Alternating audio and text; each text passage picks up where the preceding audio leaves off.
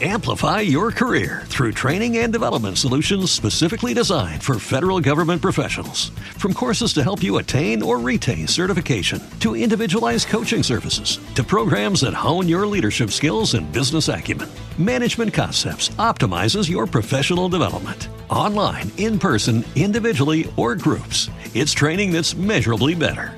Learn more at managementconcepts.com. That's managementconcepts.com. To jest Ekspres Biedrzyckiej, podcast Super Ekspresu. Mocne pytania i gorące dyskusje z najważniejszymi osobami świata politycznego. Dzień dobry, tu Kamila Biedrzycka. Witam Państwa ze studia Super Ekspresu. Zapraszamy na Ekspres Biedrzyckiej, podcast Super Ekspresu. Gościem Ekspresu Biedrzyckiej pan komandor porucznik Maksymilian Dura, komandor rezerwy marynarki wojennej, ekspert portalu Defense24.pl. Dzień dobry. Dzień dobry, witam serdecznie. I rzeczywiście, panie komandorze, zgodzi się pan chyba ze mną, że możemy sobie powiedzieć dzień dobry, bo informacja o zatonięciu e, krążownika Moskwa powinna nas cieszyć. Tylko teraz pytanie, e, pana zdaniem, jako eksperta, to jest e, większa strata e, dla rosyjskiej armii, rosyjskiego wojska, rosyjskich sił e, pod względem właśnie kwestii prowadzenia wojny, czy to jest strata raczej symboliczna i wizerunkowa? Raczej symboliczna i wizerunkowa, to znaczy i to z dwóch powodów. Po pierwsze, utracono symbol floty czarnomorskiej, czyli ten symbol, którym się chwalono. Na defiladach on pięknie się prezentował, miał dużo luf, dużo rakiet, więc super. Tam Putin na przykład często wizytował ten okręt, ponieważ rzeczywiście zdjęcie przy takiej ilości uzbrojenia mm, jest piękne. I druga sprawa to jest taka, że utracili wizerunkowo Rosjanie swój, swoją twarz, dlatego że ten okręt był przedstawiany jako coś, co zabezpiecza okręty desantowe, które miały uderzyć na Odessę. To jest okręt, który miał podobno mieć bardzo dobry system obrony przeciwlotniczej, który miał bardzo dobry system obserwacji technicznej, czyli radary. To wszystko miało razem być połączone i nagle się okazało, że cała ta technika rosyjska nadaje się no, delikatnie mówiąc, poszła na dno. O, tak bym to powiedział. Chciałem użyć już innego sformułowania. Proszę się nie krępować, ja dzisiaj to problem, zrobiłam. Że, no właśnie, staram się, proszę wierzyć, bardzo mi jest trudno unikać takich słów, ale wiem, że jesteśmy na antenie, więc staram się tego unikać. Natomiast powiem tak, wizerunkowo jest tu bardzo duża strata. Mhm. Rosjanie utracili, dlatego że musieli się przyznać do utraty tego okrętu. To już nie było tak łatwo. Nawet na Wikipedii rosyjskiej jest pokazane, że ten okręt prawdopodobnie został trafiony przez dwie e, te ukraińskie rakiety. I ja bym chciał tutaj powiedzieć jedną rzecz. Ja zawsze powtarzałem, że te rosyjskie okręty z lat 80. i 90. są tak naprawdę warte tyle, ile bomby i rakiety, które w nie trafią przed zatopieniem. I tak to się tutaj stało.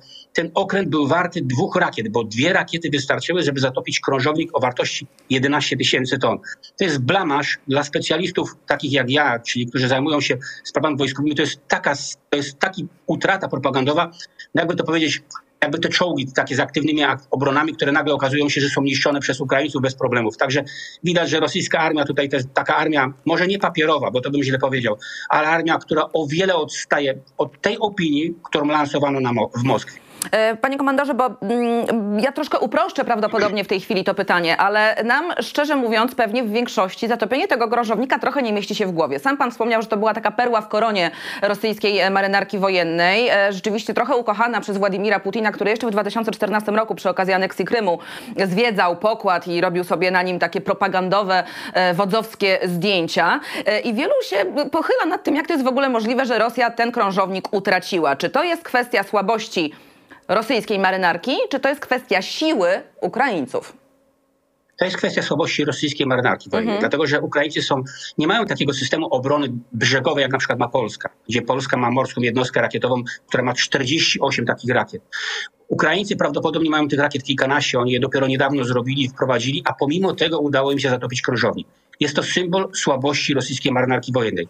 Z tym, że powiem szczerze, gdybym ja był wojskowym, i nie patrząc tutaj na wartość propagandową tego, co się stało, no bo wartość jest ogromna, to ja bym jednak te rakiety oszczędzał na coś, co przyniesie większy efekt. A takim efektem byłoby zatopienie okrętów desantowych, które podchodzą pod, pod Odessy, które mogłyby podejść pod Odessy.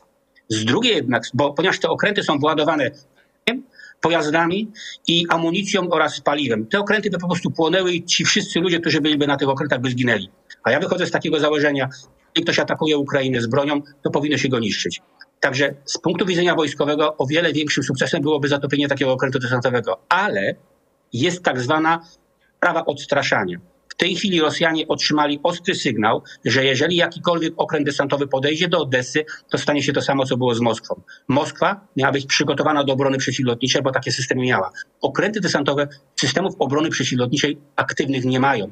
W związku z powyższym widać, że jest to naprawdę sygnał wysłany do Moskwy. Nie podchodźcie, bo jak podejdziecie, to będzie to samo, co z waszym krążownikiem. Mm, a teraz e, jeszcze, gdybym mogła pana poprosić, żeby pan trochę opowiedział e, o Moskwie, mm, o tym krążowniku. Co to była za maszyna? Jak, jaką ona miała wartość dla rosyjskiej marynarki wojennej? Co tam się znajdowało? Czemu ten krążownik służył? Bo my oczywiście e, teraz po, mm, posługujemy się słowami krążownik, że marynarka wojenna, że Moskwa to owo dziesiąte. Natomiast przypuszczam, że niewielu tak naprawdę wie, jaka była wartość tego, tego sprzętu, tej maszyny i do czego on miał, znaczy do czego służyć, to, to, to wiemy, ale w takim bardzo praktycznym znaczeniu. Panie tak, to z punktu widzenia ilości luf i ilości rakiet, no to to był bardzo ważny okręt. Miał mm. 8, znaczy miał 16 takich, widać to było zresztą takie silosy rakiet przeciwokrętowych, które miały mieć zasięg 600 km, miały razić wszystkie jednostki. Jego nazywano nawet y, z, y, niszczycielem y, lotnisk, amerykańskich lotniskowców. Tylko, że to wszystko jest nic nie warte. Okręty nie ocenia się pod względem ilości luf i ilości rakiet, ale pod względem tego, jak te rakiety i, i lufy można użyć pomijając te systemy, o których ja mówiłem, czyli te systemy przeciwokrętowe, czyli takie uderzeniowe, ten okręt miał podobno mieć nieprawdopodobnie silną obronę przeciwlotniczą, składającą się z kilku warstw. To są, czyli krótkiego, dalekiego zasięgu, bardzo krótkiego zasięgu i nagle to wszystko okazało się, że nie działa, ponieważ nie ma czegoś, co jest najważniejsze na wszystkich właściwie okrętach na świecie. To jest tak zwany system dowodzenia, okrętowy system walki. Tego ten okręt nie miał. Te radary, które były na tym pokładzie, okazały się niewydolne. One nie widziały celów, które się do nich zbliżały. To jest błąd, który, no błąd szkolny. Tutaj w tym wypadku rzeczywiście pokazało się, że te rosyjskie okręty, które są cały czas pokazywane przez, które, które się wartościuje przez ilość luf, ilość rakiet, przez ilość tych wyrzutni, które są na pokładzie, ilość tych anten, że te okręty są tak naprawdę nic nie warte, że okręty amerykańskie, które te wyrzutnie mają pochowane pod pokładem, są o wiele lepsze. Mm. I tak to niestety jest. Okazało się, że ten krążownik, który miał być takim symbolem uderzeniowym, który sprawdził się do atakowania bezbronnej właściwie wyspy wężu, w momencie, kiedy się napotyka na obronę zorganizowaną wybrzeża, to w tym momencie ten, te okręty rosyjskie mają ogromny problem. W Polsce byłoby, ja tak jak już powiedziałem, byłoby zupełnie inaczej. My mamy jeszcze lepszy system. Oczywiście tutaj możemy się uczyć od Ukraińców tego rozpoznania dalekiego zasięgu, bo Ukraińcy wykorzystali do znalezienia tego rosyjskiego krążownika, wykorzystali drony. My korzystamy z tego w małym stopniu, pomimo, że powinno się to zmienić. Ale proszę mi wierzyć, jesteśmy jeszcze lepiej przygotowani niż Ukraińcy do otwarcia takiego ataku ze strony morza i dla Rosjan jest to bardzo dobry sygnał. Takie okręty w tej chwili to już jest przeszłość. Trzeba o tym zapomnieć. To się nadaje dobrze do muzeum, ale na pewno nie na walkę na współczesnym teatrze operacyjnym, szczególnie na dalekich oceanach, gdzie tak naprawdę nadal przewagę ma lotnictwo. No ale to, co się wydarzyło, jest na pewno ogromnym policzkiem i ciosem dla Federacji Rosyjskiej, e, panie komandorze. I teraz pytanie, jaka może być odpowiedź Rosjan? Bo na pewno jakaś będzie. Pani redaktor, nie będzie odpowiedzi, myślę, dlatego że po prostu Ukraina nie ma floty, więc nie mogą uderzyć na żadne jednostki floty. Ale te, te, ja się bardziej tutaj obawiam, jak już mówimy tutaj ogólnie o Ukrainie, ja się bardziej obawiam tych sygnałów, które idą z Moskwy, bo tam Moskwa cały czas próbuje wykazać, że to Ukraińcy atakują rosyjskie terytorium i w rewanżu za to będą atakowane cywilne miasta jeszcze bardziej niż są obecni. To jest bardzo zły sygnał od Rosjan, dlatego że Rosjanie są zdolni na największych podłości i oni mogą rzeczywiście spowodować, że sprowadzą, znajdą sobie taki powód do wytłumaczenia tych ataków zintensyfikowanych na miasta. Takie sygnały już się pojawiły, tam, tam były takie sygnały o tym, że gdzieś tam w miastach jakieś wybuchy terrorystyczne są, wskazują, że to robią Ukraińcy i będą się chcieli zrewanżować. Myślę, że może do tego dojść, trzeba na to uważać. Natomiast sama Moskwa to jest strata, którą Rosjanie muszą przeboleć i po prostu zrewanżować się w taki sposób nie mogą, ponieważ Ukraińcy nie posiadają swojej marynarki wojennej, która by wyszła na morze i którą można by byłoby zaatakować. W mhm. związku z powyższym pozostają miasta, bo tylko to potrafią robić. W starciu z żołnierzami ukraińskimi Rosjanie nie mają szans i oni dobrze o tym wiedzą. Więc dostarczajmy im amunicję, dostarczamy im nowoczesny system uzbrojenia, a Ukraińcy sobie z rosyjską armą poradzą. To jeszcze jedno pytanie dotyczące tego, co może się wydarzyć, jeżeli chodzi o Odessę. Pana zdaniem rzeczywiście ta inwazja Rosjan na Odessę może być? Czy to jest miasto przepiękne, które za chwilę może zostać zrównane z ziemią? Czy uważa pan jednak, że e, przygotowanie do obrony Odessy jest tak dobre, jak do obrony Kijowa na przykład? Przepraszam, ja cały czas upraszczam pewne e, historie, natomiast jestem, jestem laikiem absolutnym, jeżeli chodzi o kwestie wojennej strategii, ale doskonale wie pan, o co mi chodzi. Czy Odessa pana zdaniem jest zagrożona? Czy to uderzenie od morza e, może być e, bardzo silne, czy w tej chwili absolutnie sytuacja się zmieniła? Pani tak się uśmiechałem ze względu na pani, bo pytanie było doskonałe, dlatego że rzeczywiście należy się nad tym zastanawiać. Tylko problem polega na tym, że my kompletnie nie rozumiemy Rosjan. Znaczy, oni chyba się sami już teraz nie rozumieją. Oni mm. działają zupełnie irracjonalnie. Ja powiem jako wojskowy. Z punktu widzenia wojskowego w tej chwili operacja opera desantowa z morza jest w ogóle niemożliwa, dlatego że Ukraińcy pokazali, że mają systemy, które rozwalą ich okręty desantowe podchodzące do brzegu. Więc z punktu widzenia racjonalnego tak, ale ja się uśmiecham, dlatego że Rosjanie działają zupełnie bez rozumu. To są ludzie, którzy tak naprawdę, ja nie wiem, czy oni mają jakiś nie wiem, jakie to są, jakie oni kończyli szkoły, ale rzeczywiście może dojść do takiej sytuacji, że oni wyślą tą swoją piechotę morską. Dlatego tak ważne jest to, żebyśmy zdążyli przekazać, żeby Brytyjczycy zdążyli przekazać swoje harpuny, a być może, ja to mówię już od kilku dni, a być może Polska powinna się zastanowić nad nawet wypożyczeniem jednej baterii polskich nadbrzeżnego, polskiej, polskiej morskiej jednostki rakietowej po to, żeby bronić ukraińskiego wybrzeża. Wtedy te okręty na pewno nie podejdą. Natomiast, tak jak powiedziałem, panie redaktor, Rosjanie działają zupełnie irracjonalnie. Oni uderzają w miejsca, w których nie powinni uderzać, oni działają w taki sposób, w który nie powinni działać, nie liczą się w ogóle ze swoimi ludźmi i prawdopodobnie dla nich cena tych piechoty morskiej, która zatonie na, na tych rosyjskich okrętach, też nie ma żadnego znaczenia. W związku z powyższym możemy tutaj gdybać. Z punktu widzenia wojskowego taka operacja jest w ogóle niemożliwa. Z punktu widzenia rosyjskiego jest możliwa i może być przeprowadzona i na to prawdopodobnie Ukraińcy się przygotowują. Zresztą bardzo dobrze, Odessa jest do tego dobrze przygotowana. Nie ma się chyba co oszukiwać, że Kreml traktuje swoich żołnierzy jak mięso armatnie, po prostu. Dokładnie tak. Tutaj jest, to jest chyba naj, najważniejsze podsumowanie tej całej wojny. My mówiliśmy tutaj o, wschodniej, o, o wschodnim Ukrainie, bo tam się w tej chwili najważniejsze rzeczy dzieją. Tamta wojna, bo wszyscy mówią o tej bitwie, która będzie się toczyła. Tam bitwa się już toczy. My musimy pamiętać o tym, że Rosjanie są ograniczeni do dróg. Oni nie mogą wysłać, to jest troszeczkę, przypomina mi tutaj zawsze Zakopiankę. Możemy robić dwupasmową drogę, ale ta Zakopianka w pewnym momencie dochodzi do Zakopanego i tam się zaczyna korek. To samo jest tutaj. Te drogi są wąskie, na tych drogach są ogromne korki. Chociażby Rosjanie mieli tysiące czołgów, to i tak do tego miejsca, gdzie nastąpi uderzenie, tych czołgów jest, podchodzi kilkanaście. I ja jeszcze raz powtarzam, to jest dlatego takie ważne, żeby Ukraińcy mieli tej amunicji jak najwięcej, bo oni będą tłukli tych Rosjan do czasu, aż im starczy amunicji, co przykład jest z Mariupolu. Jeżeli zdążymy dostarczyć im amunicję i to w takiej ilości, że to wystarczy, to my tych czołgów natłuczemy jeszcze więcej. I teraz ja mówię my, dlatego że co należy podkreślać, pomagać Ukrainie trzeba, dlatego że ja zawsze powtarzam, każdy czołg, każdy samolot, który zostanie zniszczony na terytorium Ukrainy, to jest czołg i samolot, który nie pojawi się nad terenem Polski, Mołdawii, Łotwy i Estonii. I o tym trzeba pamiętać. E, to teraz e, takie podsumowanie trochę, bo mamy 51 dzień tej e, koszmarnej wojny i 51 dzień zastanawiamy się, jak to jest możliwe, że doszło do tego, o czym pan przed chwilą wspomniał, czyli że teoretycznie armia, którą uważano za drugą armię świata, robi tak szkolne błędy, działa w sposób e, irracjonalny, działa na ślepo, podejmuje e, zupełnie niezrozumiałe decyzje. Okazuje się, że jej stan jest zdecydowanie gorszy niż wszystkim się wydawało. Czego to jest e, mm, według Pana kwestia? Znaczy, kto i co ponosi za to odpowiedzialność? Czy to jest kwestia szkolenia? Czy to jest kwestia tego, że nie inwestowano w tę armię? Jak, jakie są tego przyczyny? No bo jakieś muszą być. Pani to przede wszystkim oszustwo. To znaczy, jedno, rosyjska armia to jest jedno wielkie oszustwo i to i o tym trzeba pamiętać. Z tym, że ja bym nigdy, ja zawsze powtarzam, nie należy się rosyjskiej armii bać, ale nie należy jej lekceważyć. Mhm. Ponieważ Rosja to jest taka górna wolta, przepraszam, górnowoltę, z rakietami balistycznymi. Oni mają uzbrojenie rakietowe. Oni pokazali, że to uzbrojenie rakietowe potrafią wykorzystywać, bo to rzeczywiście opanowali. W związku z powyższym oni są naprawdę niebezpieczni. Tutaj trzeba o tym cały czas pamiętać, że kraj, który ma broń atomową, nie może tej wojny, żadnej wojny wygrać.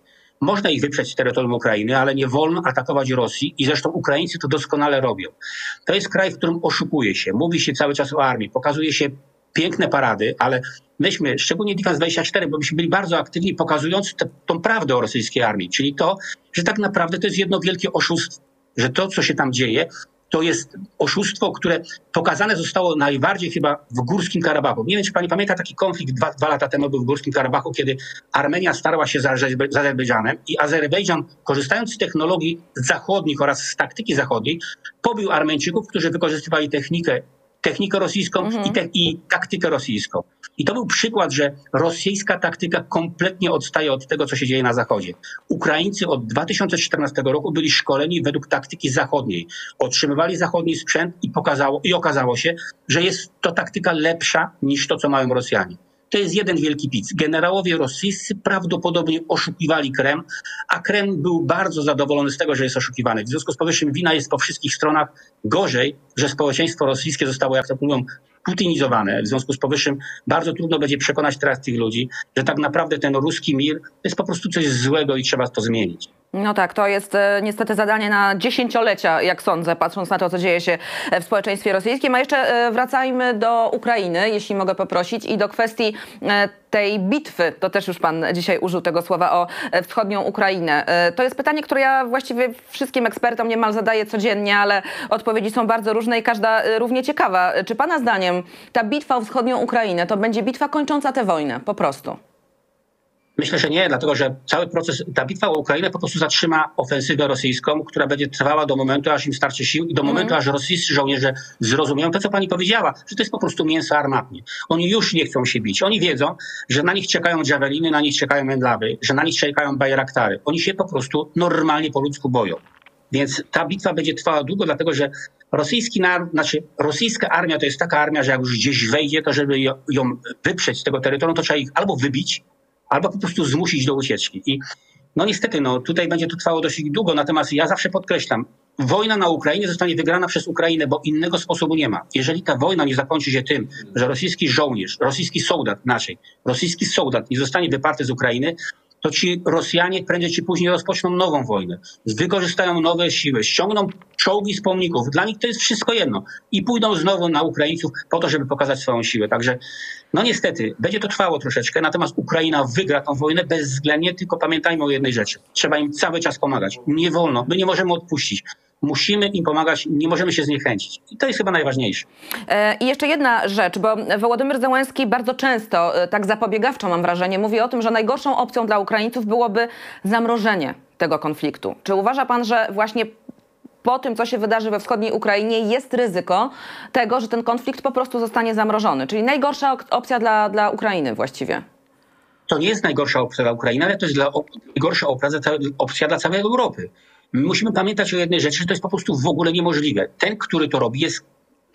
Użyję słowo kretyn, ale to chyba było, byłoby za mało powiedziane. Ten, który myśli, że da się zamrozić ten konflikt, to się myli. To byłoby po przede wszystkim policzek dla tych ludzi, którzy zostali wymordowani w Buczy, dla tych kobiet, dla tych dzieci, które zostały poranione. Tego nie wolno zrobić. Rosjan trzeba wyprzeć na ter- z terytorium Ukrainy. Warunek pokojowy powinien być taki, że Rosjanie zostaną, wy- że Rosjanie wyjdą z terytorium Ukrainy. Innego argumentu nie ma. Jeżeli my się zdecydujemy na coś pośredniego, to ten konflikt prędzej czy później znowu wybuchnie. Rosjanie zniszczyli Ukrainę. Muszą za to zapłacić i no niestety, no, Pani dobrze powiedziała, to pytanie jest bardzo dobre, dlatego że ono pokazuje rzeczywiście to, co się mówi czasami. A, dla świętego spokoju zamroźmy sytuację, zróbmy pokój, coś tam się ustawi, jakieś strefy się zrobi, wprowadzi się wojska pokojowe. Nie. Rosyjskie wojsko musi zostać wyparte z terytorium Ukrainy. Chociażby po to, żeby sprawdzić, jakie zbrodnie popełnili na tym terytorium. Dlatego, że niewątpliwie te tereny, które zostały zajęte przez Rosjan, są to tereny, które zostały ograbione i przede wszystkim tam wymordowano ludność cywilną. Trzeba wejść, trzeba pokazać, jaka jest prawdziwa władza na Kremlu. A ta władza to władza, która ocieka krwią. I tak trzeba to mówić po prostu. Już tak trochę bardziej filozoficznie podsumowując, jeśli pan pozwoli, czy pan jest spokojny o postawę Zachodu? Ja nie mówię teraz, w tym momencie, no bo są dostawy broni, oczywiście są nakładane sankcje, natomiast chodzi mi o to, jak to będzie długotrwałe, czy to działanie będzie konsekwentne, czy w końcu ktoś pierwszy ze względu na swoje własne interesy narodowe, gospodarcze nie odpuści, czy to nie będzie tak, że po prostu Zachód do tej wojny przywyknie, on się do niej przyzwyczai, ona spowszednieje i w związku z tym coraz trudniej będzie Ukraińcom przekonywać świat zachodni do tego wsparcia i do tego, że Ukraińcy walczą tak naprawdę nie tylko o siebie, ale o cały zachodni świat. Pani tak, to wszystkie rzeczy są możliwe. To znaczy może być taka opcja, że my po prostu zobojętniejemy, czyli po prostu moralnie upadniemy, dlatego że to będzie moralny upadek, jeżeli my się zgodzimy na to, co się dzieje w tej chwili w Ukrainie. Nie było takiego konfliktu. Ja powiem szczerze, ja obserwowałem, co się działo na przykład na Bliskim Wschodzie. Takiego konfliktu, gdzie rzeczywiście celem byłby jakiś naród i on byłby wybijany, powiem szczerze, nie było czasów II wojny światowej. To jest coś nieprawdopodobnego. Dlatego Zachód nie może na to pójść. Ja bym stanął tutaj korzystając z tego, że jesteśmy teraz i mówimy właśnie o takich filozoficznych rzeczach, ja myślę, że takim ważnym sygnałem będzie to, jak się zakończy y, wybory prezydenckie we Francji. Dlatego, że podejrzewam, bo znam Macrona, ponieważ śledzę cały czas sytuację we Francji, ja podejrzewam, że kiedy Macron wygra wybory, a, a życzę mu tego z całego serca, to on wtedy też dołączy się do tego, do tej operacji, do tej operacji wspomagania Ukrainy, dlatego że nie ma innego wyjścia dla Europy. Europa będzie bezpieczna tylko wtedy, jeżeli Rosja zostanie powstrzymana, bo jeżeli Rosja wygra w Ukrainie, to zaatakuje Mołdawię, zaatakuje Łotwę, Estonię, a być może Polskę. To jest kraj, który nie potrafi niczego sam zrobić, w związku z powyższym, żeby korzystać z jakichś dóbr, musi atakować inne państwa i wtedy uważa to za swój sukces. Zagrożona jest Finlandia, zagrożona jest Szwecja, trzeba im pomóc, trzeba stworzyć taki kolektywny system obrony. Tak jak pani powiedziała, trzeba po prostu się zastanowić nad tym, czy my moralnie jesteśmy po prostu może nie zdolni do tego, żeby odpuścić. Moim zdaniem nie. Ja uważam, że po tym, co się stało, po tym, co zostało już odkryte na Ukrainie, Rosjanie powinni ponieść konsekwencje tego, co zrobili. Nie należy ich kasować całkowicie, no bo to jest jednak wielki naród, ale z drugiej strony muszą ponieść konsekwencje tego, co się stało tam na Ukrainie i trzeba to wymusić, między innymi dostarczając uzbrojenie i to nadal powtarzam. Więcej amunicji, mniej żałobnych audycji. Mhm. Wspomniał Pan o Szwecji i Finlandii. Wiemy, że one chcą przystąpić do y, NATO, czyli także zmieniają bardzo mocno swoją strategię pod wpływem tego, co mm, dzieje się e, w Ukrainie. No ale oczywiście mamy natychmiastową odpowiedź Rosji. E, Dmitrij Miedwiediew, czyli były prezydent, jeden z najbliższych współpracowników Putina, bardzo stanowczo wypowiedział się w tej sprawie i ostrzega, że jeżeli Szwecja i Finlandia przystąpią do NATO, będzie musiała wzmocnić Rosja swoją obronę i nie będzie już można mówić o wolnym od atomu Bałtyku. To jest dokładny cytat. Ja raz jeszcze go przytoczę. Nie będzie można już mówić o jakimkolwiek statusie wolnym od broni jądrowej e, dla Bałtyku. Równowaga musi zostać przywrócona, e, mówi Dmitrij Miedwiediew, teraz wiceprzewodniczący Rady Bezpieczeństwa e, Rosji, cytowany przez agencję Reutera. Rosja kiedy nie wie, co ma powiedzieć, to zawsze straszy atomem. Chyba, prawda? Trochę tak to wygląda. Tak, ale z tym, żeby się tym nie przejmujmy w ogóle, dlatego że powiedzmy sobie szczerze, w obwodzie kaliningradzkim na pewno oni uzbrojenia atomowe mają. Pod Szwecję podlatują cały czas samoloty, które prawdopodobnie mają broń jądrową albo pociski, które są zdolne do przeniesienia głowic jądrowych. Także to nie jest tak, że, że to, że oni deklarują w tej chwili, że ten Bałtyk jest strefą wolną od atomu, że to jest tak naprawdę, bo że, że, że tak się dzieje, dlatego że oni ten atom mogą w ciągu kilku dni przerzucić pod wschodnią granicę i tutaj nie ma żadnego znaczenia. Wprowadzenie Szwecji i wprowadzenie Finlandii NATO jest bardzo ważne, może nie dla samego NATO, ponieważ Szwecja i Finlandia mają swoją armię, ale dla Finlandii i dla Szwecji, dlatego że pozwoli to br kolektywnie bronić tych dwóch państw. Te dwa państwa mają prawo, prawo do życia bez Rosji. I rzeczywiście, jeżeli NATO będzie miało prawo do wejścia, bo takiego prawa nie ma na Ukrainie, włączyłoby się do wojny wtedy jako strona. Natomiast tutaj będzie po prostu atak na Szwecję i Finlandię, będzie atakiem na NATO. I to jest bardzo ważny sygnał dla Rosji, że jednak niestety, ale prędzej czy później to się skończy tak, że wszystkie państwa zabezpieczając się przed tymi atakami będą wchodziły na NATO, dlatego że nie ma innego gwarancji, nie ma innej gwarancji bezpieczeństwa. To jest tak samo w Polsce. My jesteśmy bezpieczni nie tylko dlatego, że mamy silną armię, no bo tej silnej armii to tak naprawdę nie mamy, ale dlatego, że jesteśmy, że jesteśmy ochraniani przez sojuszników i my powinniśmy być przygotowani także do tego, żeby ochraniać sojuszników, bo to jest tak zwana kolektywna obrona. Komandor rezerwy marynarki wojennej, porucznik Maksymilian Dura, Państwa gościem, gościem Ekspresu Biedrzyckiej. Bardzo Panu dziękuję e, za to spotkanie. Ciepło pozdrawiam i wszystkiego dobrego na święta. Wszystkiego dobrego, dużo zdrowia życzę. Do zobaczenia, dziękuję. To był Ekspres Biedrzyckiej, podcast Super Ekspresu. Zapraszam na kolejne spotkanie w Ekspresie Biedrzyckiej. Pozdrawiam bardzo serdecznie. Kamila Biedrzycka. Rozmowę znajdziesz także w Super Ekspresie, w internecie i gazecie. Amplify your career through training and development solutions specifically designed for federal government professionals. From courses to help you attain or retain certification, to individualized coaching services, to programs that hone your leadership skills and business acumen, Management Concepts optimizes your professional development. Online, in person, individually, or groups, it's training that's measurably better. Learn more at managementconcepts.com.